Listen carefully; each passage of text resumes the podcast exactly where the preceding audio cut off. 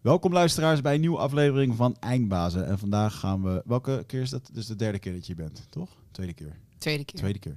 Tweede keer in gesprek met Jeannette de Geus. Ehm, ik mag jou geen eigenaar noemen van dit verhaal, hè? Nee, Wel. inderdaad. Nee. Nee, Stuart. Stewart. Stewart van Ja. Hugen Forest. Ja. De oase in... Welk deel van het land? Flevoland, Dronten. Flevo- Ja, ja. Flevoland. Vlakbij Biddinghuizen. Maar ehm, eh, nou, ehm, even voor de luisteraars. Ik ken Jeannette al heel erg lang. Hoe lang kennen wij elkaar nu? Wel echt lang. Tien jaar? Ja. Hoe lang ken ik Michel? Ik denk jou ongeveer even lang. Ja. Een beetje uit de begintijd van Zoiets. Eindbazen. Ja, had toen krappe tien jaar. eh, oh ja, fit, fit, fit food. Ja, ja, ja. Love nog- Fit Food. ja, we nog jij hebt nog blogs kookboeken uitgewisseld voor mij. Ja, zeker. Ja, cool.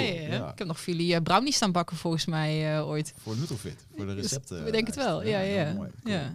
Dus eh, en, eh, je bent een fanatiek kettlebeller geweest. ja. Je hebt masterminds gedraaid.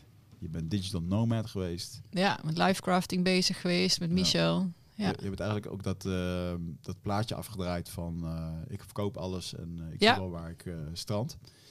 En eh, dat is eigenlijk wel een hele interessante reis geweest. Ehm, want nu ben je dus uiteindelijk gestrand op een fantastisch natuurgebied in, eh in Dronten, in Flevoland. Ik ben er al meerdere keren geweest, dus ik ben er ook echt een fan van. Hugen Forest in Roggebot staat. Is het, nee, Roggebot staat is dan... Ja, De naam het is eh, landgoed Roggebot Staten. Ja. Dat is het landgoed wat we nu twee jaar huren. Mhm. erfpachten huren. Ehm, dus we vonden het wel leuk om dat in, in het logo ook nog te verwerken. verwerken. Ja. Het is wel grappig om te weten hoe, hoe Engelsen dat Roggabot steten. Die, eh, dit klinkt heel grappig, dus dat is wel Ja. leuk om dat er een beetje in te houden. Misschien, misschien nog wel mooier in het Engels dan in het Ja, Roggybot. Ja, mooi. maar in ieder geval, je hebt daar echt een waanzinnig eh, gebied eh, waar je op woont en waar van allerlei gebeurt. Er staan prachtige gebouwen op. Ehm, ja, en eigenlijk is het heel erg interessant, want je bent daar gekomen toen ook nog vanuit het eh, psychedelische oogpunt. Hè, dat je daar een soort plek voor wilde creëren. Dus eh, neem de luisteraars even mee eh, hoe je bij deze plek bent gekomen en wat het, wat het moet, moet gaan worden. Ja, nou, het is een, een plek voor retraites en evenementen. Dus een retraitecentrum. waar we ons focussen op meerdaagse evenementen. Dus je kan ook bij ons overnachten. Waar we ongeveer 50-50 zakelijk en niet zakelijk doen. En dan reken ik jou zeg maar onder de niet zakelijk. Dat klopt niet helemaal, maar zeg maar bedrijfsleven en Hmm. facilitators, coaches. Ongeveer. Samsam. Als je Ehm, mensen echt door de mangel heen haalt, hoor je niet bij het zakelijke gedeelte. Nou ja, dat is meer, eh, dat is gewoon een bedrijf. Ja. die dan een paar dagen komt met hun managementteam eh, om bij ons eh, inspiratie, creativiteit, whatever. Een eh high-sessie. sessie. Ja, een offsite. Ja, ja, Ja, ja. klinkt wel weer wat chiquer. Ehm, ja, hoe ben ik daar gekomen? Dat is wel echt een super gek verhaal eigenlijk. Want ik ben basically van anti-kraak naar een landgoed gegaan Mhm. zonder geld. Eh, dus dat vind ik dan, vond ik dan wel weer cool. Dus ik woonde eh, in de tijd dat ik met dat live crafting vooral bezig was en ook eh, Michel met 12 waves eh, aan het ondersteunen was, woonde ik in een mooi rijtjeshuis in Tilburg. Dat heb ik inderdaad allemaal verkocht, achter me gelaten om te gaan digital nomaden. En ik kreeg toen een aanbieding om in een eh anti-kraak plek te gaan wonen. Ik dacht, ja, prima, lekker in het groen. Heb ik een plek voor mijn boeken en om me ingeschreven te staan. Dus uiteindelijk heb ik daar vier jaar mogen wonen. Eh super mooie plek in de achterhoek. Helemaal omgeven door bossen. En dat was een plek die eigenlijk gesloopt zou worden. En dat was een internaat. Het zijn verschillende dingen geweest, maar het is een, eh, een internaat geweest, een TBS-kliniek, een asielzoekerscentrum. Allerlei had ik niet zo'n hele mooie geschiedenis dat dat dat stukje. Ehm, maar ik heb daar dus vier jaar gewoond in die leegstaande panden, waar honderd kinderen altijd intern konden zitten. Hmm. Ik dacht, ja, dit is echt super mooi. En waarom wordt dit gesloopt? Je kan hier trainingen, eh, vergaderen, retraites doen, whatever. Ik ken heel veel mensen. Ik ga gewoon eens kijken. Ik ga gewoon eens uitzoeken van wie dit is en waarom dit leeg staat en of ik een bod kan doen. En zo is dat eh, vier jaar geleden begonnen. Hmm. Dus ik heb daar an- een jaar ongeveer daar eh, eh, rondgelopen, op allerlei deuren geklopt, eh, letterlijk en figuurlijk. Van, van, oké, van wie is dit? Kan ik, ik heb ideeën, ik heb plannen, wat, wat kost dit? Mag ik hier wat doen? Nou, het duurde even voordat ze mij geloofde, want ik ben natuurlijk wel een vrouw alleen, die dan ook nog eens anti-kraak woont, ongetrouwd, geen kinderen, getatoeëerd, weet je wel. Hoe denkt zij nou dat zij hier eh 4 miljoen bij elkaar kan toveren eh, om dit Hmm. eh, te gaan ontwikkelen? Maar ik ben dat toch gaan doen. Eh, mooi businessplan geschreven en via allerlei toevalligheden en synchroniciteiten is dat plan, want dat was echt een heel uitgewerkt plan. Er zaten partners, het was echt 40 pagina's, partnerships, businessmodellen, de hele, de hele rambam onderzoek. Kwam dat op het bureau terecht van de voorzitter van een stichting Landgoed Roggebod Staten. En eh, die zei, nou kom even langs, kom een keertje kennis maken. En eigenlijk al in dat eerste, maar met na in dat tweede gesprek zeiden ze gewoon... Nou, we hopen eigenlijk gewoon dat het mislukt daar in de Achterhoek. En dat je dat plan wat je geschreven hebt voor daar, dat je dat hier wil komen doen. Want dit is eigenlijk wat wij al tien jaar lang naar op zoek zijn en niet hebben kunnen vinden. En dus ook niet actief aan het zoeken waren. Want ja, Hmm. Ehm, dus zo. En toen dacht ik, nou, laten we er even over nadenken. ik moest wel even afscheid nemen van die oude plek, want die had ook echt wel potentie, vond ik. Ja. Wat is daar nu mee gebeurd trouwens? Ik ben er wel een paar keer geweest. Ja, ja. Een gigantisch Ehm, complex. Volgens mij eh, is dat nu een seniorenwoning eh, geworden. Ah, Seniorenwoningen. bestemming. Ja, Ja. natuurlijk. En het Ja. zou... Want uiteindelijk werd ik er ook uitgezet. Hè, want je antikraakt, je kan er binnen een maand eh, moet je dan uit. We dachten eerst dat er weer een asielzoekerscentrum zou komen. Daar had ik ook vrede mee. Ik denk, ja, weet je, tuurlijk, je moet die mensen ergens opvangen. Ik kan niet gewoon zeggen, ja, dat vinden we tof, maar we hebben er nergens ruimte voor. Mhm. Dus ik was ook wel bereid om dat los te laten. Maar toen eh, mocht ik inmiddels al in, eh, in Flevoland, in de polder. Nooit gedacht dat ik daar zou eindigen, Ja. maar ja, ik zit er. Ja, mooie verborgen plek. Ja, Want um, Jugendforest, eh, dat is de naam die jij eraan hebt Ja. gegeven. De naam Jugend, die moet je even toelichten. Ja, uh, Jugend is een Japanse term.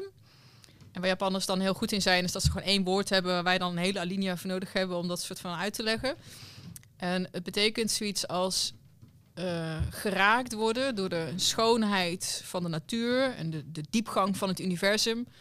En dan echt emotioneel geraakt worden. Dat je echt even helemaal stilstaat en overloopt. Van, wow, weet je wel, wat is het leven en het universum en alles toch waanzinnig. Ja. Uh, en in de kunsten proberen ze dat op te wekken. Dus een theatermaker zal dat gevoel van verwondering en van tijdloosheid, tijdlo, tijdlo, tijdloosheid Mhm. willen oproepen. Of een, uh, een hovenier of zo. Dus als je op uh, YouTube Jugend googelt, dan vind je ook een filmpje met iets van 40 tuinen in Japan die dat dan uh, opwekken. Super mooi. Ik vond het gewoon een hele toffe term. Ik las dat in een boekje over forest bathing, dus bosbaden in het mindful bij de bomen zijn om voor allerlei heilzame werkingen. En ik vond het gewoon een mooi woord. En ook wel, als je dan naar, over psychedelica hebt bijvoorbeeld, weet je wel, dat gevoel ja. is ook echt iets um, wat heel heilzaam kan zijn. Op het moment dat je overloopt van liefde voor de natuur en voor jezelf dan dus ook. Ja, ja. ja vet. Ja, want de, uh, ik zeg er nog wel even een ding bij, want ten, ten tijde dat wij dit opnemen, waait het ontzettend buiten. Ja. Uh, wel grappig, Storm Isha. En dat is de man die die tooi heeft gemaakt achter jou. Oh, cool. Isha? Dus hij staat ook een hij beetje bij. Hij is, hij is erbij, hij is erbij. ja. Maar uh, dus het kan een beetje kraken, omdat we op de bovenste verdieping uh, zitten. Um, maar het psychedelische verhaal, wat, wat was je intentie daarmee met, met Jugend?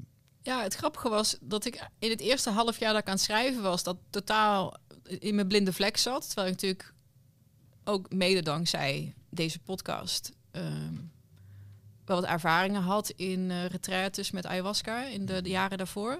En eigenlijk pas na een half jaar in één keer zo viel het kwartje. En denk ja, de, dit moet gewoon een plek worden voor uh, therapeutisch werk met psychedelica. Ja. Het was natuurlijk toen, nu is het al iets meer mainstream, maar toen nog veel meer in opkomst uh, vier jaar geleden. Van, oh, blijkbaar uh, is het toch wel heilzaam. Er wordt veel onderzoek naar gedaan. En misschien moeten we het maar in de reguliere zorg kijken of we dat kunnen inpassen.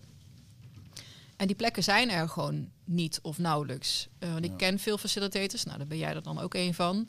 En wat ik hoorde en zelf ook zag, is je dan ben je op zoek naar een plek. En dan kom je bij een Airbnb uit of weet je, de grote retrettencentra, de, de fanwouders van de wereld, die, nu, meer, nu niet meer geen fanwouden is, maar mm -hmm. die zijn vol of heel duur. Of willen het niet. Of willen het niet. Of willen het wel. En dan ben je er en dan kijk je om je heen en denk je... Is het ook niet. Ja. Is het allemaal net niet. Hey eindbaas en luisteraar, dankjewel dat je zit te luisteren naar deze podcast. Ik onderbreek hem eventjes voor een hele belangrijke boodschap. Of misschien liever gezegd een uitnodiging. Want op 24, 25 en 26 mei, dan is er weer een nieuwe editie van Rite of Passage. Dat is mijn retreat voor persoonlijke ontwikkeling. En speciaal voor de mensen die op zoek zijn naar, ja, naar helderheid. Of dat ze lastig bij hun gevoel kunnen komen. Dat ze moeilijke beslissingen moeten maken. En dat ze zo ontzettend in hun hoofd zitten. Ja, dat ze er eigenlijk gewoon niet meer goed uitkomen. Of dat ze misschien al heel lang in een, ja, een soort van oud gevoel zitten. Dat ze dat gevoel willen transformeren. Of misschien wil je gewoon een oud stuk achter je laten. Ergens een punt achter zetten. En ja, zoek je misschien heling op iets wat, wat je te lang hebt weggeduwd of, of hebt vermeden. daarvoor wil ik je uitnodigen op 24, 25 en 26 mei om in een retreat mee te doen waar de inhoud van het programma geheim is. Waar de belofte is dat het oncomfortabel wordt. Want jij begrijpt als geen ander dat als je die volgende stap wilt maken, ja, dan zul je uit de comfortzone moeten komen. En ik garandeer je, laat mij dat proces begeleiden met jou voor drie dagen. En je leven zal daarna nooit meer hetzelfde zijn. Gemiddeld beoordelen de deelnemers het met een 9,2. En daar ben ik ontzettend trots op. Er is ook een money back guarantee. Heb je de drie dagen vol, volbracht en vind je het niks, krijg je gewoon je geld terug. Dus het enige risico wat er is, is dat je gelukkiger kan worden. Ik zie je Bride of Passage. Ga naar wichertmeerman.nl en klik op Retreat. En met name als je psychedelica gebruikt, weet je, alle schellen gaan eraf, alle sluiers gaan eraf. Jij komt tot de kern. Maar als je om je heen kijkt, zie je dat dus ook. Ja. Ehm, je, je voelt het als iets niet integer is. Als je op een plek bent waar niet nagedacht is over... Er staat er in één keer een Boeddha-beeld, maar waarom, weet je wel? Of een, wat het ook maar mag zijn. Ehm, en als dat dan wel op orde is, dan heb je dan nog heel vaak dat het bedrijf zelf... Wat zit daarachter? Wie heeft dit gebouwd? Met welke reden? vaak is dat ook gewoon heel simpel voor het geld. Ja. Uh, zit er ergens een uh, investeerder of een bank of iets achter wat andere intenties heeft dan per se heling. Ja. Dan denk ik, nou ja, oké, okay, laat ons dan die plek zijn waar dat wel allemaal op orde is. En waar het wel echt tot op het bot, tot, tot in de kern gewoon integer is en zuiver. Ook op het financiële vlak. Hmm. Uh, en op eigenaarschap, want zo, uh, zo begon je natuurlijk. Ja, maar dat is een beetje het, uh, het ding. Hè? Je hebt een stuk een landgoed waar niemand eigenlijk eigenaar van is. Ja. En dat is ook hoe dat je eh, partnerships probeert te vinden. En, en eh, maar, maar leg dat eens uit, want, want waarom mag niemand eigenaar van het land zijn? En uh, we kennen natuurlijk wel, ja, het kapitalisme van deze wereld is natuurlijk een mooi voorbeeld van over hoe dat het natuurlijk ook fout kan gaan. Maar leg, de, leg, yeah. leg eens even uit hoe dat, dat werkt. Um, in die zoektocht om Jürgen dat concept uit te kristalliseren en uit te denken, kende ik de term steward ownership, want daar hebben we het over ook nog niet. Dat kwam eigenlijk. Ik ging toen iemand uitleggen wat ik wilde. Wat ik, wat ik wilde is dacht, je moet je voorstellen, die plek waar ik woonde, uh, dat, dat internaat, dat is in de 25 jaar daarvoor eigenlijk door het management en door de investeerders uitgeknepen. En je ziet dat overal in de zorg, dat er minder geld is. Er moet toch iets meer rendement worden gemaakt. En dat daar lijden niet alleen die patiënten onder, maar ook het personeel, maar ook de natuur. Want als er geen geld is voor personeel, is er helemaal geen geld om verder dan het gebouw te kijken. En wat doen we hier eigenlijk? En dat vond ik super zonde. Ik dacht, wat nou als elk bedrijf, want elke, als je een, pand hebt van stenen, heb je dus ook een stukje natuur vaak eromheen. Of al is maar een oprit of een whatever. Waarom stop je als bedrijf niet een x percentage van je winst, desnoods of omzet, terug in ook een stukje natuurbeheer? Dan gaan we daar bijvoorbeeld de biodiversiteit, verrijken. En dat kan echt met hele kleine ingrepen al. Of naar de bodemkwaliteit kijken. Ik bedoel, je hebt ook als bedrijfseigenaar een stukje verantwoordelijkheid voor de plek die je beheert. Dus ik had zoiets van, nou, ik wil altijd iets kunnen teruggeven, et cetera, et cetera. En ehm, toen werd die term dus aan mij geïntroduceerd en ik ben het gelezen. En denk, dit is eigenlijk echt super mooi. Want wat het is, het is een ehm, manier om over eigenaarschap uh, na te denken, een juridische term, waarbij ze willen dat de missie van het bedrijf altijd centraal blijft staan. Hmm. dus dat er niet, stel Jürgen uh, heeft straks 5 miljoen opgehaald omdat we gaan bouwen, dat er niet straks een handvol investeerders op de achterbank kan zitten en zeggen, weet je, psychedelica is allemaal leuk, maar ga maar ja. X, Y doen, want het levert veel meer geld op. Uh, ze hebben, investeerders hebben heel vaak gewoon zeggenschap in een bedrijf. Logisch, want er zit heel veel geld van hun in. Hmm. Um, als je het steward-owned inricht, dan wil je die missie borgen. Zorgen dat, dat, je dat, dat het nooit kan verwateren. Nou, er zijn verschillende manieren om dat te doen.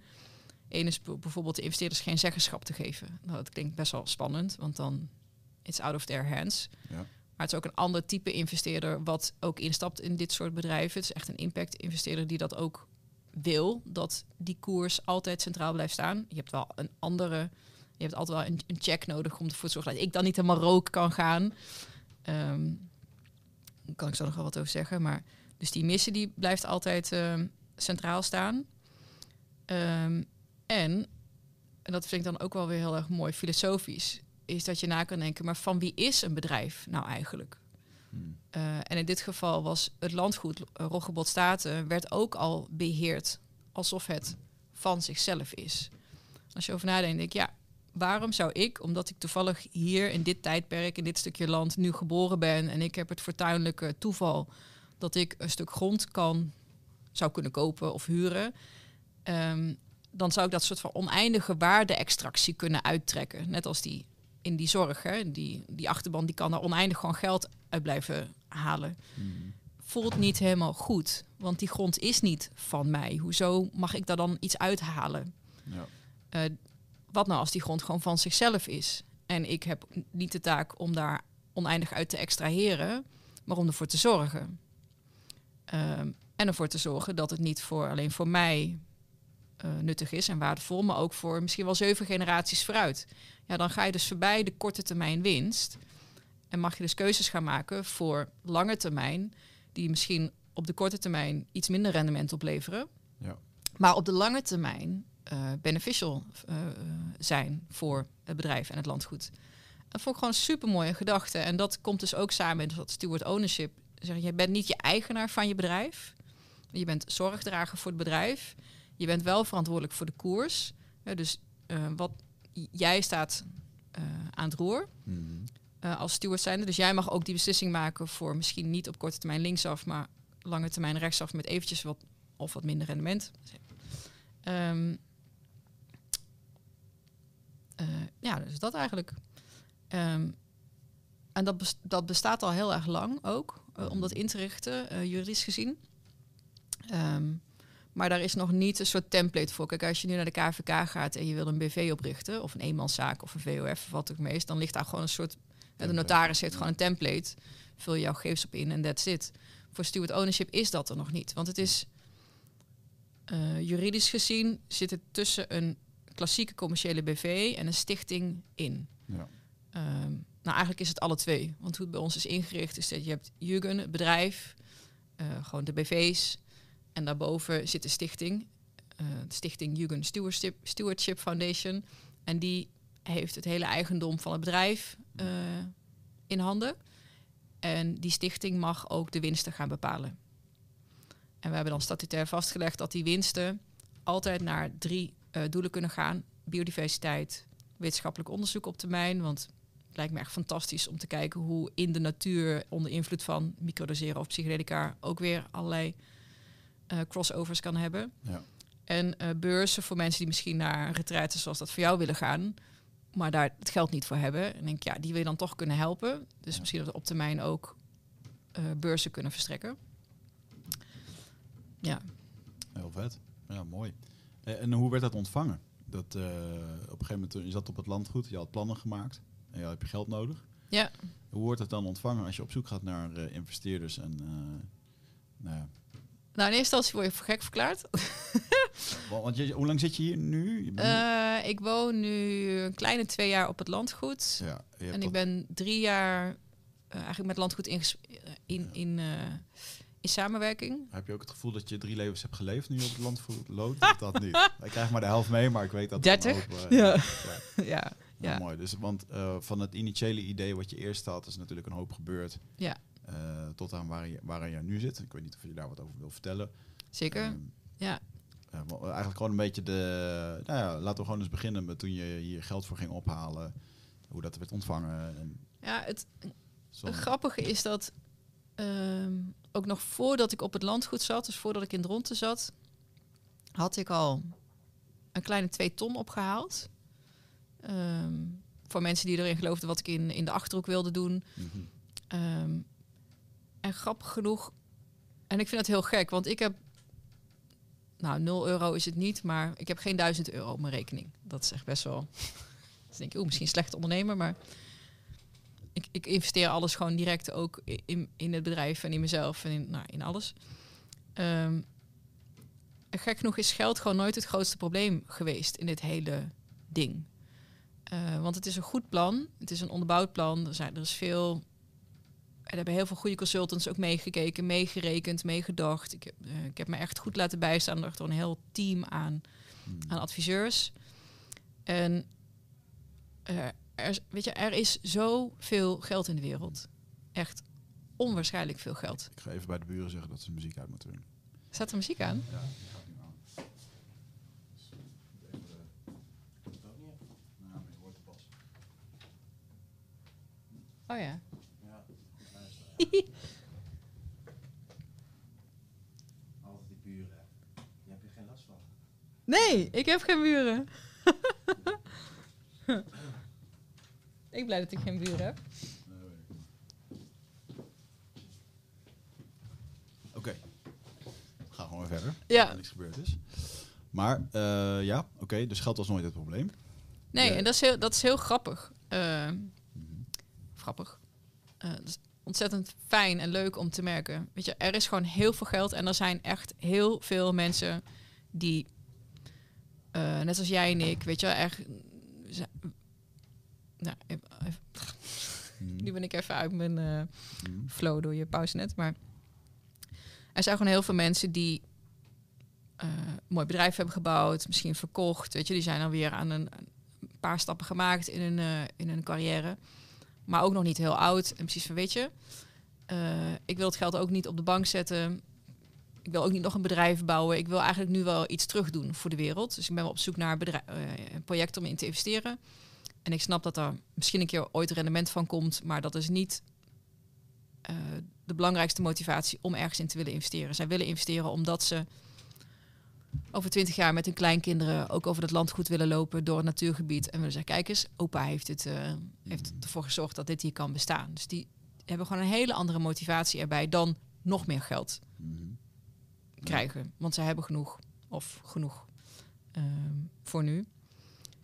Ja, en die, die zijn er. En die vinden dat cool. En die vinden dat tof. En die komen dan ook op je pad. En dat is een, dat is een heel ander netwerk. En ik heb dit hele concept ook... ehm, bijvoorbeeld op de Psychedelic Science eh, congres vorig jaar in Denver. Zeg maar het grootste Ja. congres over psychedelica. 13.000 mensen, 13.000 bezoekers. Van, van, de, van therapie tot eh, de ethiek, tot Mhm. ook de plekken waar je dat kan doen. Want er zijn gewoon heel weinig plekken waar je eh, therapeutisch werk kan doen met psychedelica. Ja. Dus dan zit je in zo'n zaal, in een business track, met zo'n podium met van die venture capitalist eh dudes. En dan ga je daar staan en zeg je, maar die zijn gewoon allemaal niet geïnteresseerd in vastgoed. Je hebt daar lastige vragen lopen stellen, toch? Ja, ja. Ja. Vroeg in die zaal wat. eh, het gaat dan over verdienmodellen en zo. En wat geef je terug aan investeerders? Denk je, maar waarom heeft niemand het over stewardship of over een andere manier van naar eigendom kijken? Ja. Vooral voor psychedelica. Dat zijn juist de mensen die, naar mijn idee, ook op een andere manier over geld aan het nadenken zijn. Is het nou voor mij of is het voor jou? Weet je wel, daar gaat het allemaal niet om. Mhm.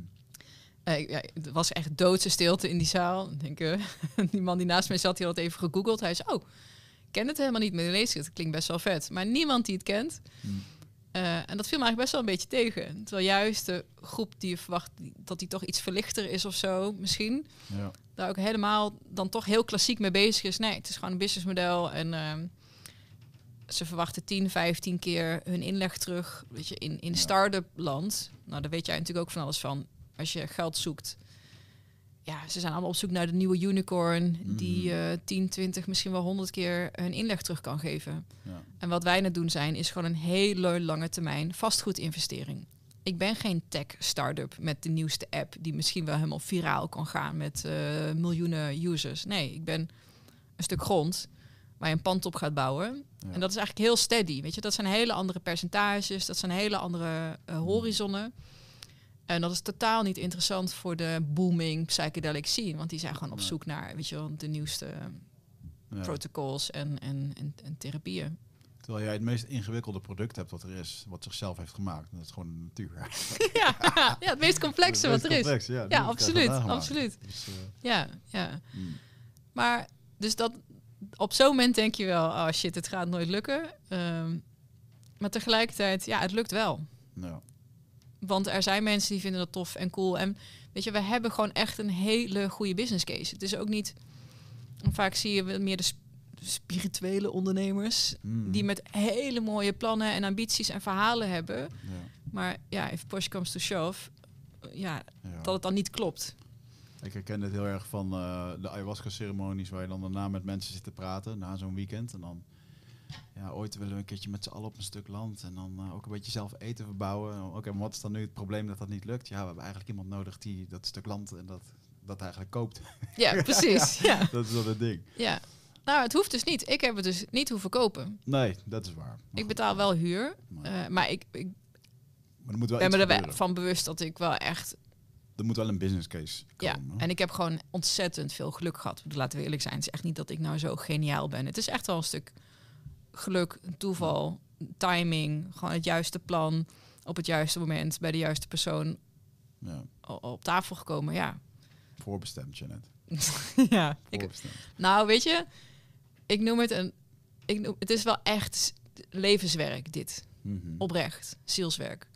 Ehm een van de dingen die bij Steward Ownership ook kan, dus een, een tool die je kan gebruiken. Als je niet voor oneindige extractie wil gaan, waar we het straks over hadden. Je zegt ja, wanneer is het genoeg? Stel dat jij een ton inlegt, eh, mag jij daar dan oneindig, mag je daar een, een miljoen uithalen aan dividenden straks? Mhm. Als je 10 x'en, dan als je een ton inlegt, betekent een miljoen terug. Ja, Dat is idioot als je erover nadenkt. Fantastisch, maar ja. maar wanneer is dan genoeg? Is het genoeg als je die ton terug hebt gehad? Of misschien wel twee ton? Je wil ook iets van risico en inflatie inbouwen. Of is dat vijf ton? Mhm. Als founder zijnde ook. Kijk, er zit voor mij drie jaar lang onbetaalde arbeid in. Ik mag best wel wat terug. Ja. Maar het bedrijf is van zichzelf. En het kan dus ook nooit verkocht worden. Dus ik als founder kan nooit straks over 10, 20 jaar zeggen... Hey, vet concept hè, weet je? Net als met Easier. Ik Verkoop het gewoon. En eh, nou, Mhm. leuke, leuke pensioen voor mij. En that's it. Dat kan dus niet. Nee. Eh, dus je gaat daarover nadenken. Oké, wa- wat is genoeg voor een investeerder? En wij hebben gezegd, eh 2,5 keer je inleg. Dat is max wat je eruit kan halen. En dat is veel. dat is steeds veel. Dat is echt Ja. heel veel. Ja. Eh, als je dat door gaat rekenen. En dat, dat doen we niet 10 jaar over. Dat doen we misschien wel 60 jaar over. Als je 4, 5 procent rendement. Ik reken even super conservatief voorzichtig. Vastgoed is ook niet... eh, is ook een heel ander eh, rendement. Ben je er gewoon 60 jaar mee bezig. Ja. Dan doe je het niet voor de quick win. Even snel wat, wat cash. Nee, je wil echt iets bijdragen aan een concept... wat echt mensen kan helpen. Want daar... Weet je, als je me vraagt, waar doe je het voor? is natuurlijk allemaal hartstikke leuk. Maar ik hoop, als ik het helemaal plat sla, hoop ik gewoon dat mensen ietsje liever voor zichzelf zijn en hun eigen binnenwereld. En ook als, en als we dan toch bezig zijn met wat liever voor onszelf en elkaar zijn, dan kunnen we alsjeblieft de planeet gewoon niet naar de knoppen laten gaan. Mhm. Please, pretty please. Mhm, mhm. That's it. Ja, mooi. Ja, Ja, ik vond het wel mooi dat je, toen ik het ooit met een keertje over, met je over sprak, toen zei je van ja, ik, ehm, ik ga dit nu gewoon doen. En het is ook niet echt een eh, project wat je gaat verkopen waar je met een exit uitgaat. Of, Nee. Dus iedereen die er geld insteekt, eh, die steekt het eigenlijk in een, in een plan waarvan je gewoon de komende jaren mee bezig wilt zijn. Zo Ja. niet.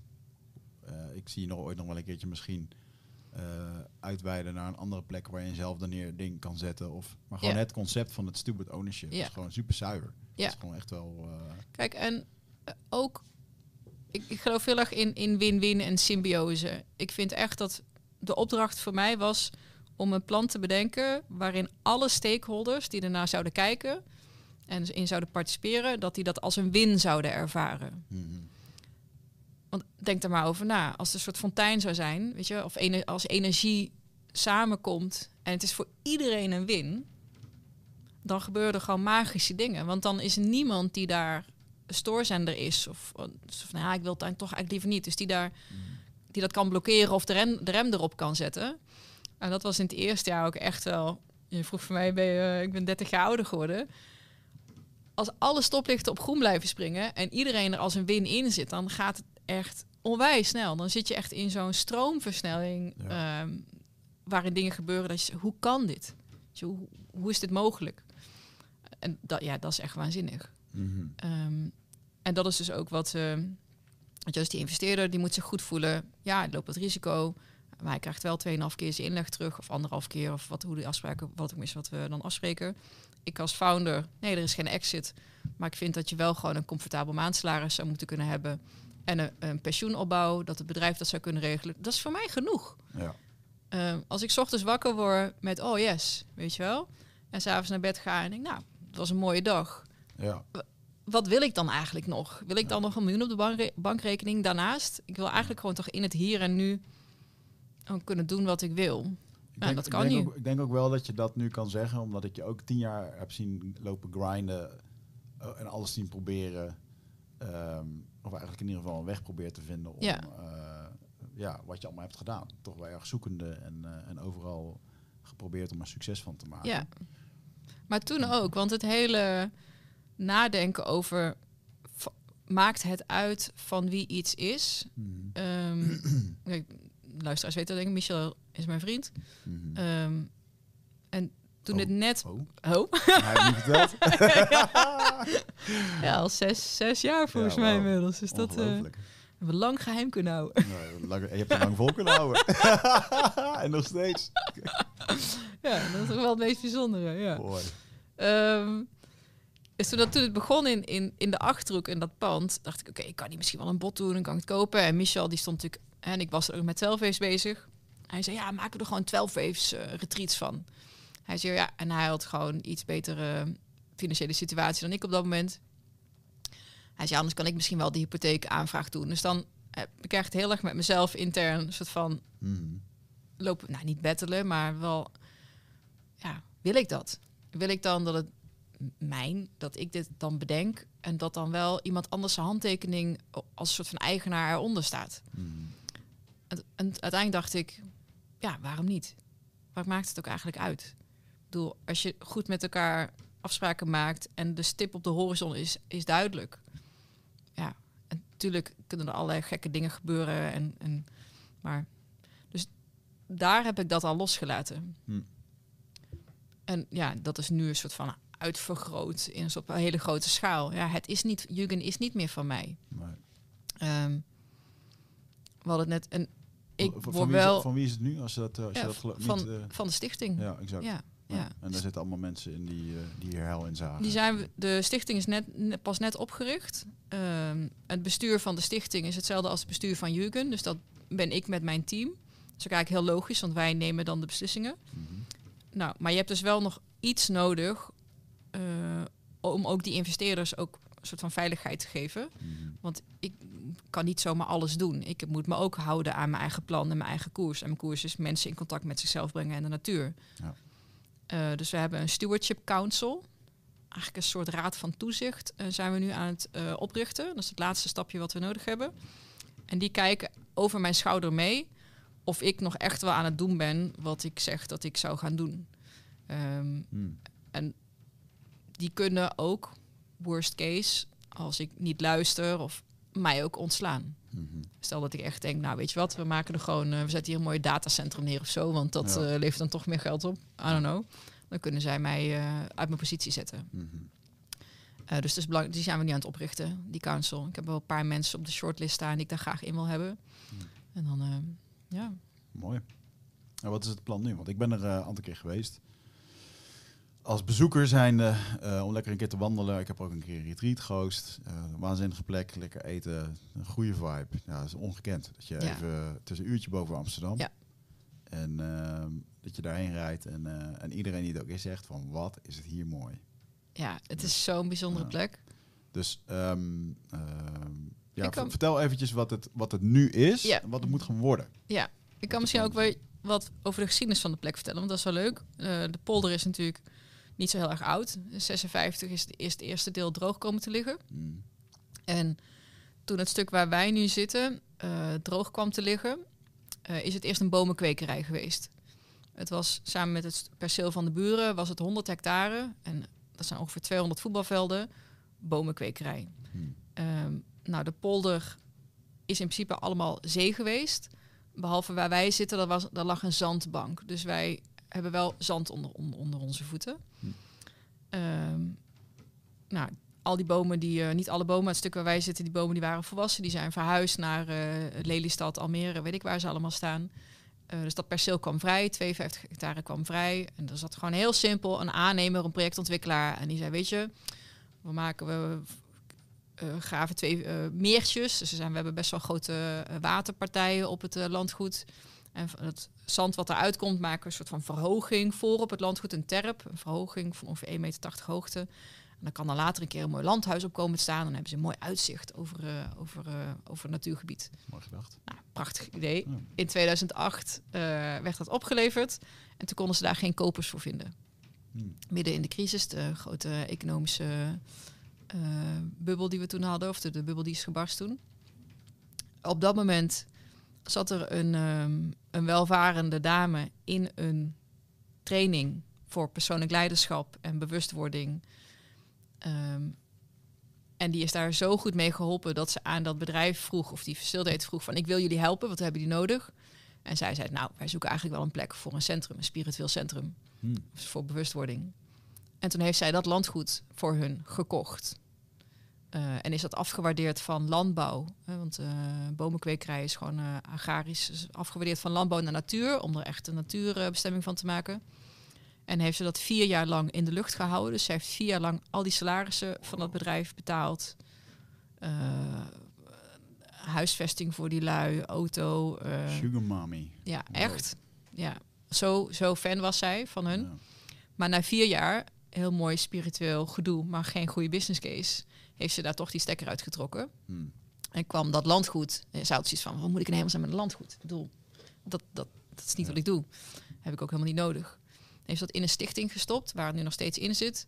En heeft het als opdracht meegekregen van, oké, laat het een plek zijn waar mensen terug met zichzelf in contact kunnen komen. En terug in verbinding met de natuur. Heb je die mevrouw ooit ontmoet? Ja, zeker. Ja. Ja. Die heeft ook in Jugend geïnvesteerd. Oh, te gek. Eh, als alle, alles ze zegt, ja, ik had eigenlijk gezegd, er komt geen geld meer in, want ze heeft ook het eerste bouwwerk daar gefinancierd. Hm. Ja, daar zitten echt miljoenen in. Ehm, en ze had eigenlijk al een beetje opgegeven, eh, maar ze vond Jugend dan toch wel echt een heel mooi initiatief. Dus ze heeft ons ook eh, een behoorlijk bedrag in Jugend geïnvesteerd. Ja. Nou, die, gaat sowieso naar de hemel, deze mevrouw. ja, dat denk ik wel. Ze is ook met heel mooi werk bezig in Afrika met water en zo. Weet je, zij, zij is echt gewoon een, eh, Ja, ja, hoe noem je dat? Een, eh, goede. Een engel. een engel, ja, Oh, een Samaritaan. Ja, hoe noem je dat? Een, eh, a good-hearted woman. ja, ja. Mooi.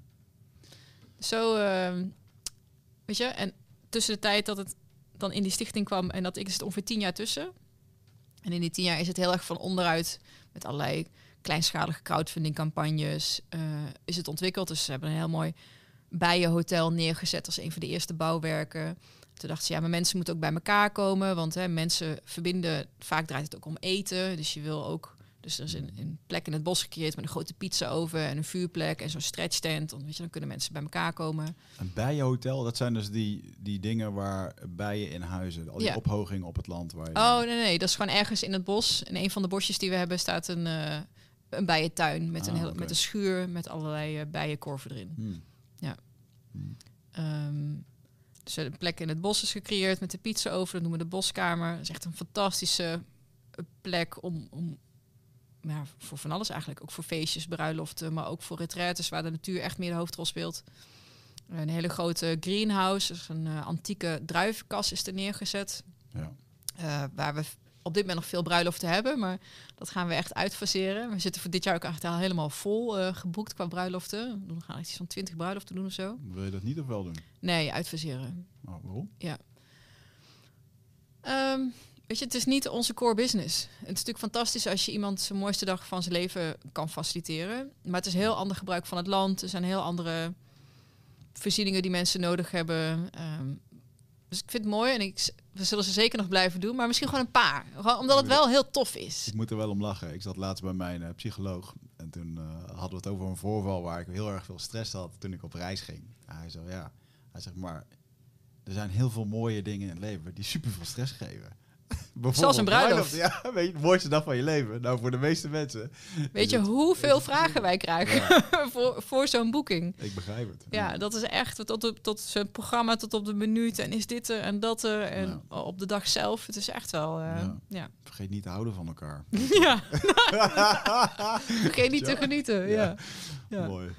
Oké, duidelijk. En ehm, ehm, ja, dus er staat er nog een heel mooi pand op. Ja. Ehm, Tenten is voorheen het, eh, het pand geweest. Ja, ja. Weet je, eh, toen wij daar twee jaar terug op het landgoed kwamen, lag er nog niet eens water. Er lag een, eh, een tuinslang, letterlijk een tuin- tuinslang van de buurvrouw naar, naar het landgoed. En daar deden we alles mee. Oh. Dus we hebben echt een, gewoon water aan laten leggen door Vitens. Ehm, we zijn nu met stroom bezig en infra. Ehm, maar als je echt wat wil doen, kijk, het is leuk om even een middagje op zo'n hele mooie plek te zijn. Maar eigenlijk wil je gewoon dat mensen echt even erin zakken en echt even landen en even alles achter zich laten. En dan is een meerdaagse toch het allerfijnst. Ja. Dus je moet mensen kunnen laten overnachten. Dus we hebben nu twee seizoenen gedraaid met eh, echt hele mooie, hele grote glampingtenten. Eh echt like zes meter doorsnee.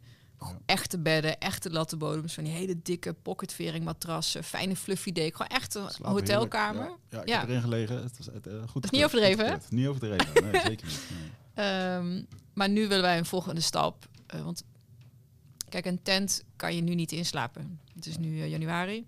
Dus eigenlijk houdt het in oktober een beetje op. En het begint april, mei, begint dat seizoen weer. Ja. Dus je bent gewoon vijf maanden dicht. Eigenlijk zes.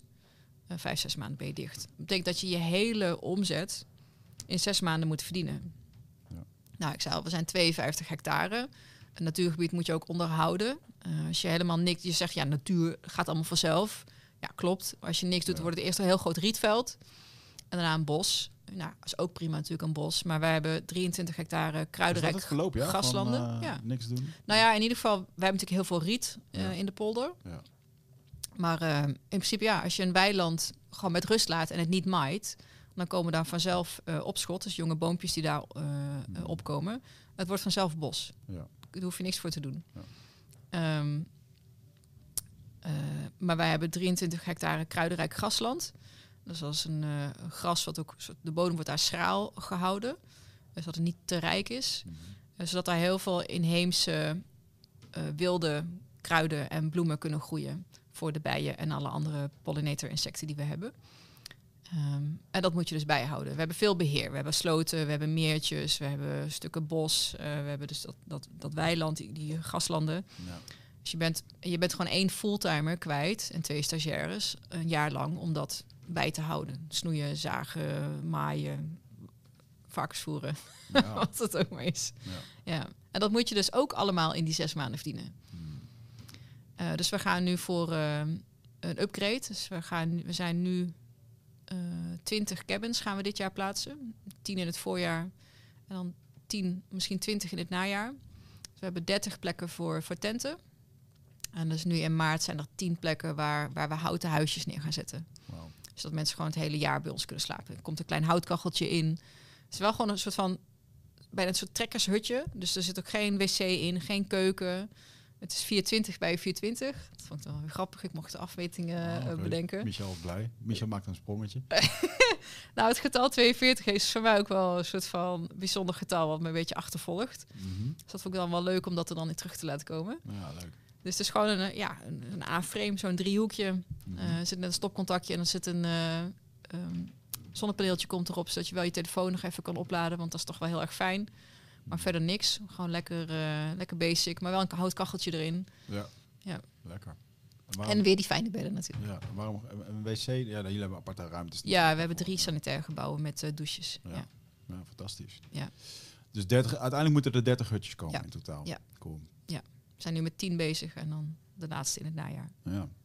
En wat wil je, eh, want je bent hier met, ook natuurlijk met een reden. Ja, hè, want ja. dit, moet, eh, dit moet ook gefinancierd worden.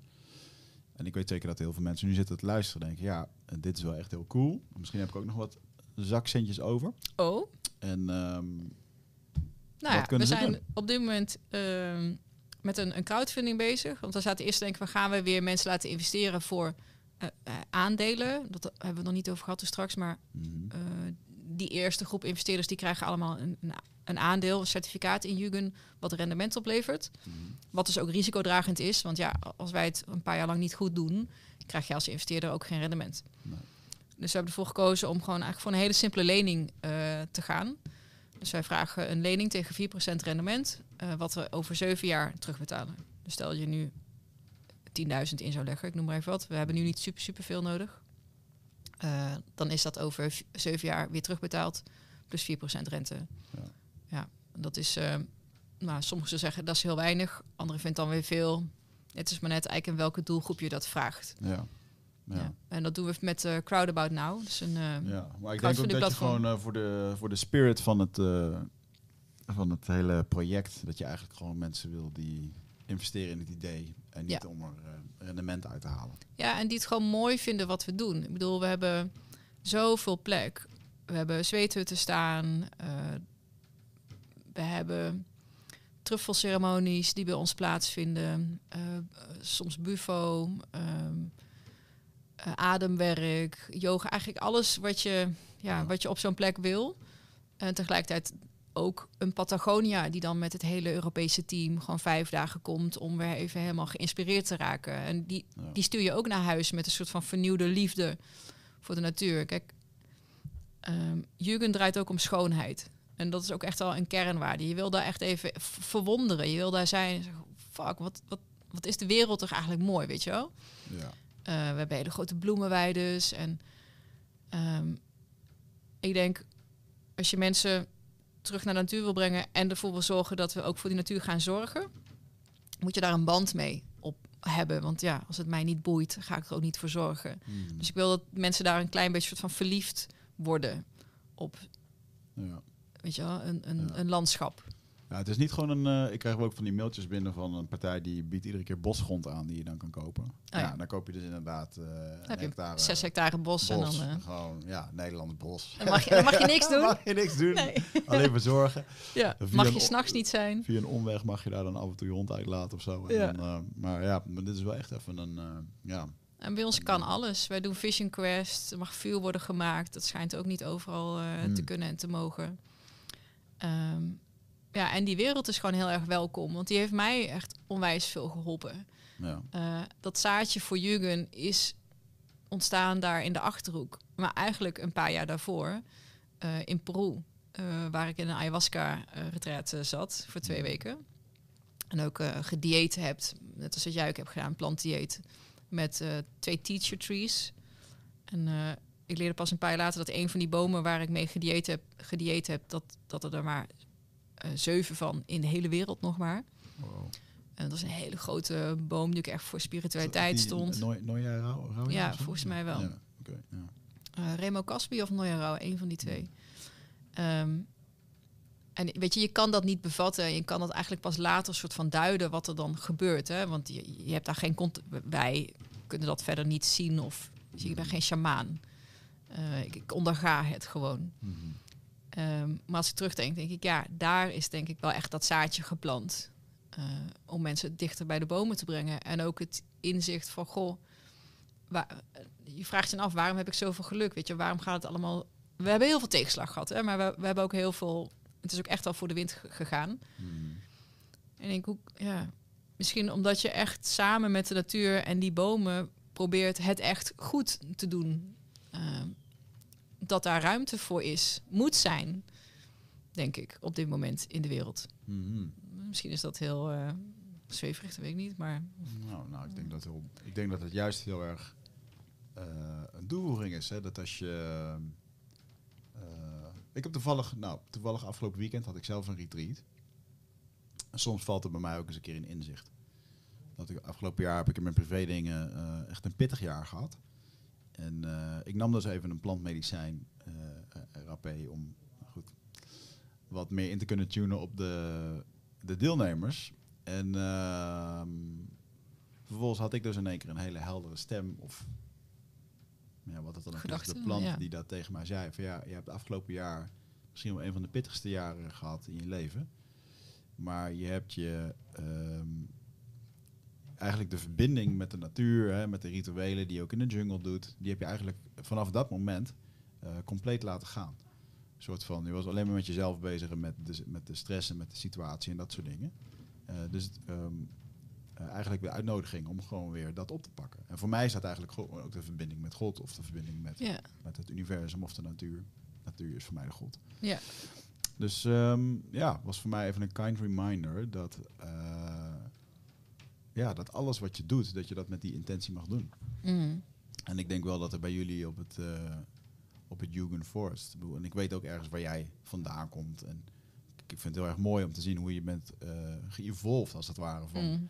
De, de fanatieke doelensteller. Je bent eigenlijk ook een wetenschapper. Zo, Ja, heb je sociale ja. wetenschapper Ja, gestudeerd, ja. hoor. Psychologische wetenschap, ja. En dan eh, eh, achter al die, eh, die methodes aanholpen met, met blogs en met dingen, met vlogs heb je ook nog gedaan. Ja, ja, ja, alles, en alles. Heel die riedel doorgegaan. En nu in eh, één keer ben ik gebiedontwikkelaar, gebiedontwikkelaar, niet eens projectontwikkelaar, maar regioontwikkelaar. Ja, maar je bent wel, eh, wel heel mooi hoe je daarin eh die visie hebt neer weten te zetten. En eigenlijk gewoon nu een, nou, je bent echt een voorloper op dit eh, gebied. Ja, ik, omdat ik niks te verliezen had, omdat ik dus echt van een anti-kraak situatie zonder geld eh, afkwam, heb ik hele zuivere keuzes kunnen maken. Ja. Ik heb niks te verliezen. Ja. Dus ga er dan maar voor. Ik, ik, ik hoef geen concessies te doen, want ja, als het niet lukt, maakt niet uit.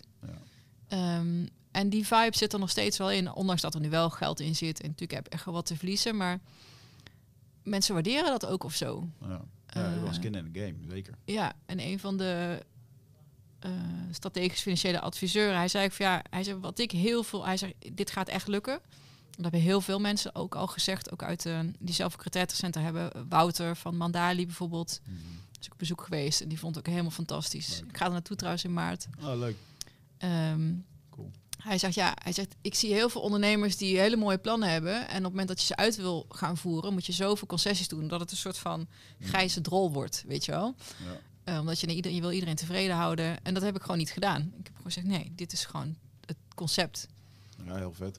En ja, dat wordt dan toch beloond of zo. Ja, Ja, mooi. Ja, ze zijn ook weer iets extra's aan het opzetten nu. Hè. En, ja jij woont daar natuurlijk. ik, ik woon vijf minuten Ja, van buiten ja, af, ja. ja, Dus, oh. eh, dat is wel grappig. Ja. En, eh, maar zij zijn ook bezig om de bergen uit te breiden met allerlei... eh, hebben wel iets van zeven centra volgens mij. ja, points of light. ja. Wouter zijn ambitie, daar komt niks aan tekort. Dus, Ja. ik vind dat wel vet. Want hij is dus ook met het hele financiële... Ik bedoel, hij heeft natuurlijk gewoon onwijs veel knaken. Eh zit ook allemaal wel in Mandali. Maar... hij, kent, hij kent ook mensen die met knaken. Maar goed, dat maar is nu, dat is zelfs nu hij heeft het toch ja. ook wel lastig om die volgende stap van zijn droom verder te financieren, zei hij. Hij ook komt dan, dat vertelde hij ook weer mensen tegen dan toch vanuit hart en gevoel zeggen, ja, dit moet echt gebeuren, maar dan uiteindelijk dan toch nog op het laatste moment, ja, hij wil dan toch even de cijfertjes zien en wat is je prognose en hoe, hoe, wat is het rendement en wanneer krijg ik het dan terug? Dat Ja. het heel lastig is om uit, toch uit die oude kapitalistische denkwijze te komen. Ja. Ja. Maar goed, ik zie daar ook wel dat er heel veel mensen mee verbonden willen raken. Die vinden die plek daar ook mooi. Ja. Mensen hebben veel ideeën, maar uiteindelijk moet het inderdaad ook een soort van rendabel plan worden. Zeker. Ik bedoel, de schoorsteen moet branden. Anders is het- een bodemloze put waar we Ja. alleen maar met z'n allen geld in stoppen van, oh, wat een mooi plan. Ja. Maar dan is het niet meer win-win. Weet je wel? Het moet op alle vlakken win-win zijn. Ja. Ook economisch gezien moet het gewoon kloppen. Ja. Het moet ecologisch gezien ook kloppen. Ik bedoel, toen wij begonnen op het landgoed, heb ik eerst aan een landschapsarchitect gevraagd: analyseer nou eens het land. Dit zijn onze dromen, dit zijn onze plannen, dit is wat er over twintig jaar misschien hopelijk mag gaan komen. Mm. Eh, wil je dat dan links of rechts zetten? En eh, hoe zit het dan met verbruik en vervuiling en eh, paden die je overal loopt? Want er zit ook heel veel reeën, er zit heel veel wild op het landgoed. Van waar moet je dan wonen? Waar moet je dan je bedrijfspand neerzetten? Dus ze hebben dat eerst geanalyseerd en in kaart gebracht. En dan kwam ze het vlekkenplan uit. Van nou, dit is dan de beste plek voor menselijke activiteit. En dan kun je een soort corridor maken waar de reeën nog wel... eh, Dus dat het allemaal in harmonie met elkaar op dat landgoed kan, kan zijn. Mm. En daarna ben ik pas met een normale architect eh, gaan praten om dat vlekkenplan in te vullen. Oké, hier kan een pand komen en dan moet dat pand wel eh biobased zijn. Dus ik wil met houtbouw. Dat moet zo circulair mogelijk zijn. Dat moet natuurinclusief zijn. Dat moet energiepositief zijn. Eh, dat moet klimaatadaptief zijn. En eigenlijk gewoon off-grid. Weet je, dus je hebt een heel eh eisenpakket. Wil je dat gaan bouwen?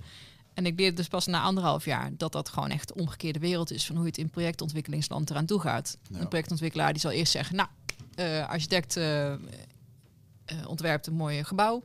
Blijft er nog een strookje natuur omheen over. Nou, wat zullen we daar eens mee doen? Ja. Dacht ik, oh, oké. Eh, dus ook in die wereld van die projectontwikkelaars en investeerders, die kennen natuurlijk ook alleen maar de standaard manier. En die kijken allemaal hier intussen, oh, dat is eigenlijk best wel verfrissend. Ja. Dus die, het heeft wel een hoge gunfactor of zo. Eh, juist omdat het even mensen ook anders laat denken. Zo van, oh ja, nee, misschien moeten we eerst analyseren waar we die activiteiten hebben, zodat het samen met de reeën kan. In plaats van, nou, die reeën die vinden wel een andere plek om te wonen. Die wonen daar zeker. gewoon. Ja, ja zeker. Ja. Ja. die zitten naar jou te kijken vanuit het bos. Ja, maar oprecht, weet Ja. je wel. Daar sta je niet stil, maar die moeten ook ergens zijn. En de fazanten en de vossen en de, de marters. En er zit van alles bij ons. Ja, Ja. ja. heel vet. En wat is je, eh, wat is je, wat is even nu het stappenplan voor als mensen nu denken, eh oké, Ik wil meer weten. Ik wil wat meedoen. Ja. Ehm, waar kunnen ze dan terecht? Hoe kunnen ze terecht? En ehm, wanneer, wat is de time, de timeframe? Ehm, nou, op dit moment loopt er dus, want dit komt denk ik op vrij korte termijn uit. Hè? Ja, dus dan, nu eh, op eh, 24 januari, maar voor de 30 is dit eh, wel online. Oh, oh, wauw. Ehm, nou, dan staat de crowdfunding nog live. Dus eh, wat is dan het makkelijkste? Is dat ze naar onze website gaan, uh, jugenforest.nl. En dat is Jugend met Griekse ei, Hmm. U-G-E-N, eh, Forest. Eh, en daar heb je dan een knopje eh, investeren. En dan eh, kom je op onze crowdfunding pagina. Hij staat bij Crowdabout Now, op dat platform staat hij open. Hmm. Eh, we zijn nu op zoek naar eh, maximaal een ton, is 75.000. Eh, dat is niet genoeg voor al die huisjes. We hebben nog een, een investeerder die, die de rest eigenlijk aanvult. Ja. De helft is op het moment van deze opname zijn we al op de helft. Ehm, en dat is dus een lening tegen 4% rente die we in zeven jaar tijd terugbetalen. En daarnaast zijn we altijd echt op zoek naar gewoon mooie partners. Ehm, we hebben, we gaan een fantastisch mooie ceremoniële ruimte nog bouwen en een eh, hotel eh, met eh, 25 kamers. En ik heb een echt een gespecialiseerde architect gevraagd om de ultieme eh, psychedelic space te ontwerpen. Omdat dus al die andere plekken die ik in Nederland vond, eh, weet je, dan toch net niet helemaal pasten. 100%. Ja. En eh, die gaan, willen we dus ook nog gaan bouwen. Dus we zullen later in het jaar ook nog een keer echt een hele grote ronde doen. Dat we misschien wel 5 miljoen eh, willen ophalen of meer. Wauw, dat Ja. is, ja? Ja. Ja. Ik dacht eigenlijk, maar dat was in eerste instantie, want dit plannetje lag er al Ja, langer, toch? ja. Ik heb daar de tekeningen van gezien. Is Ja, want eh, eigenlijk zouden we nu al midden in het bouwen van die... Nou, ik, tempel is niet het goede woord, maar laten we het even tempel noemen. Mhm. Tempel in dat hotel zitten. Waar het niet dat de operator die ik daarvoor had bedacht, eh Synthesis, dat was een eh, psychedelic retreat eh, organisatie. Die zouden eigenlijk die hele tempel 80% van de tijd huren. Die zouden, daardoor kon ik het ook financieren, et cetera, et cetera. Ja. Die zijn vorig jaar februari uh, failliet gegaan. Waardoor wij ook bijna failliet zijn gegaan. En dat is dan weer zo'n verhaal dat je denkt, shit, ik heb nog een maand voor een maand salaris eh, aan geld op de rekening staan. En dan houdt het gewoon op. In die hele hetze. Ja. Eh, en dat dan een dag later weer een nieuwe investeerder op de stoep staat. Die helemaal aan is en ervoor wil gaan. En eh, ons gered heeft eigenlijk. Heel cool. En, weet je, en zo zijn er heel veel van die gebeurtenissen dat je echt denkt van, oh, hoe kan dit? Weet je? En Maar uiteindelijk, elke keer lukt het dan toch gewoon. Ik Denk, Mm. dit moet er gewoon komen. Ja. Dit gaat er gewoon komen. Dit is er eigenlijk al. Mag je dit bouwen of niet? Wat Ja. je? Ja, Ja. ook de gemeente, de burgemeester, eh, nou, kind aan huis wil ik niet zeggen, maar die is een paar keer langs geweest, die heeft een paar keer geappt. Die vindt het zo gaaf. En dat komt ook door, weet je, we focussen op mentaal welzijn, Ja. focus op natuur. Nou, wat what's not to love?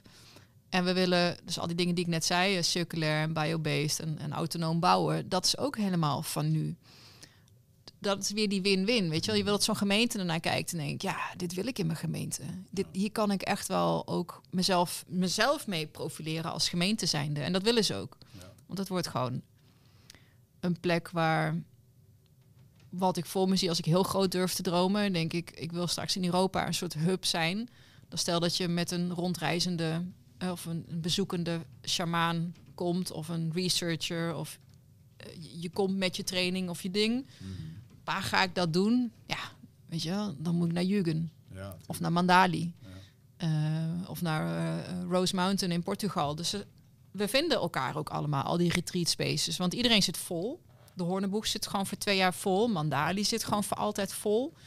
Ehm, Maar er zijn meer teachers die we graag een plek willen geven. En bij, Mandali lukt het gewoon niet meer. Bij de Hoornboeg ook niet meer. Van Wouden ook niet meer. Dus we worden ook welkom ontvangen door onze eh, concurrenten basically. Omdat ze het fijn vinden van, oh yes, weet je, dit voelt goed. Dat zijn ook allemaal goede mensen met goede intenties. Zeker. Weet je, Mandali zit er ook gewoon op een hele mooie manier in. Dus die gunnen dan ook van, ja, natuurlijk moeten jullie er zijn. Want Ja. er is zoveel vraag. Ja, nou, dat is het ding, hè. Ik kan nog zo'n mooi centrum hebben, maar je hebt maar 52 weken in een jaar. En volle, ja, je, ja, en 52 mensen en een eigen programma en dingen. En dan, eh, Ja, en Wouter zei bijvoorbeeld ook, hij zegt, en hij zei, ja, weet je, in het begin heb je wat kleinere eh, facilitators die een kans wil geven met zes man in een yogazaaltje. En je gaat ook niet, als je dan succesvol bent, zeg je, ja, nu mag jij niet meer komen, hè, want nu kunnen we de Jan Geurtsen van de wereld eh, aantrekken. En dan hoef jij niet meer met je yogaklasje hier te zijn. Ja. Dat doe je ook niet. Nee. Maar ja, Ik ben dit jaar ook geweigerd door Mandali. Oh, ja. Gewoon tijd. Ja, ja, het is gewoon een eh, Gewoon, luxe positie. ja. Dat is er gewoon niet, weet je ja, wel. Dus nu eh, is misschien het idee om dan maar leraren om de twee jaar te laten Ja. komen. Maar wel, ja, om de twee jaar. Ik heb gewoon een, eh, ja, ieder jaar een ding. Precies. Dus, eh, Dus en dat vind ik wel heel tof ook. Dat ze allemaal, weet je, wel, en Van Wouden en Mandali, dat ze, mm, dat ze je verwelkomen, dat ze willen helpen. Ze zijn ook alle twee, ze heten alle twee Wouter trouwens. Zowel de zakelijk directeur van de mm, Horneboeg als dan Mandali. ja, leuk. Dat ze ook gewoon langs willen komen en dat ook doen. En ook, weet je wel, Ja. Hun lessen met je delen. En vooral even zo, ah meisje, nee niet meisje, maar kom wel goed. Je bent pas anderhalf jaar bezig of twee jaar. Ah, mooi. piepjong. Geef het een paar jaar tijd. Kom, dit, dit komt echt goed. Mooi. Ja. Goede geruststelling. Ja, het gaat bij ons ook echt heel goed. We waren na die, eh, na het faillissement van Synthesis, waren we even heel erg geschrokken. Hadden we ook nog nul reserveringen op dat moment voor dat jaar staan. Want we dachten, we, gaan, we hebben helemaal geen marketing nodig. We zitten al helemaal volgeboekt met Synthesis. Ja. Waar we nu gewoon al bijna, eh, bijna vol zitten voor dit jaar. Of eh, in ieder geval voor de helft eh, al volgeboekt. Mei en juni zit gewoon al vol. ja. Ehm, Het moet snel zijn. ja, ja, het loopt echt storm. Dus Mm. daarom willen we eigenlijk gewoon nu met die crowdfunding gewoon ervoor zorgen dat we nooit meer dicht hoeven. Dus dat Ja. we ook in de winter gewoon dit door kunnen laten gaan. Ja. Winter edition. Ja, ja. Mooi. Ja, hoe vet. In de winter, in de, we hebben in, de, in december nog een zweethut-sessie gedaan. Ja, heel vet. Nou, ik Ja, heb dat wel is afgelopen fantastisch. zat ik in de mijn, eh, eh, waar ik nu altijd heen ga, en, en de rente ook, zat ik in de sneeuw. Maar dat is toch een hele aparte eh, ja, ervaring ook weer. Ja, ja. Heeft er bij jullie sneeuw gelegen? Ja, zeker. Oh, Ja, vet. tot, eh tot eh eergisteren nog. Hmm. Ja. Dus, eh, dan moet je een sneeuwschuiver nou op het terrein. Nou, la neem laarzen mee, zou ik het Ah. zeggen, als je ons komt. Ja, mooi. Ja, het is echt off-grid. Het is echt natuur. Het is gewoon een gebied in ontwikkeling ook. Ja, maar je merkt het niet. Ik bedoel, off-grid, ondanks dat ik in een tent sliep, eh, de voorzieningen buiten en zo. Ja. Het klopt allemaal wel. Ja, we hebben. ehm, ik denk juist omdat je off-grid bent en gek en alternatief, wil je dat, dat je als gast heel comfortabel bent. Hmm. Dus dat je denkt, oh, het kan dus toch wel. Eh, een beetje hetzelfde idee met onze moestuin ook. We hebben een regeneratieve boer in dienst, een jonge kerel. Die eh, echt een paar hectare moestuin aan het ontwikkelen is. Helemaal no-dik, permacultuur, voedt de grond. Ehm, en die daar ook echt een showtuin van wil maken. Hij zegt, want mijn manier van telen is eigenlijk al zo gek voor de meeste mensen. Hmm. En als die nou ook nog een zooitje is, dan zeg je, ah, zie je wel, stelt je hippies, weet je wel. Dus je wil eigenlijk, wil je het gewoon heel netjes en verzorgd eh, hebben, zodat het meer aansluit bij wat mensen verwachten. En dan zeg je, ja, maar we gebruiken geen bestrijdingsmiddelen, we gebruiken geen meststoffen, gewoon niet. Ja. Eh, we geven eigenlijk maar beperkt water, want dat systeem is zo, houdt zichzelf zo intact en is zo vruchtbaar. Hmm. Dat is niet nodig. Dus en dat wil ik op dat landgoed gewoon op grote schaal. Dat het gewoon mooi en comfortabel is. Maar wel gewoon. Ik zag laatst een, eh, een teler, een Nederlandse teler in Druiven.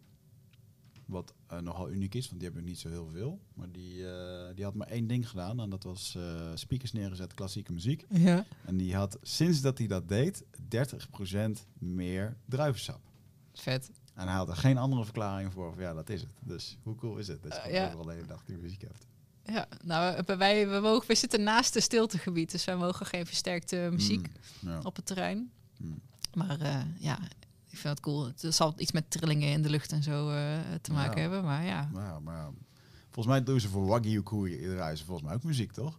Ik weet wel dat die koeien gemasseerd, eh, Gemasseerd, worden. bier drinken. eh, ja. volgens mij krijgen ze het al.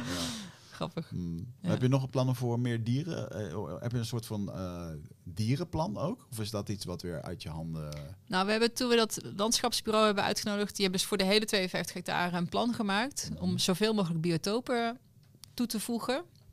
Dus de meetjes worden groter en krijgen andere oevers, dat je zoveel mogelijk diersoorten daar kan huisvesten. Eh, en daar horen inderdaad ook varkens bij. Ze hebben we bosvarkens. Ehm, die zijn eigenlijk ja, een beetje onze mascottes eh, geworden. Hmm. En we hebben nu koeien staan, ossen, om eh, die graslanden te begrazen. Nou, die worden nu ook uitgefaseerd omdat ze eh, te oud zijn. Dus die zijn ook bedoeld om...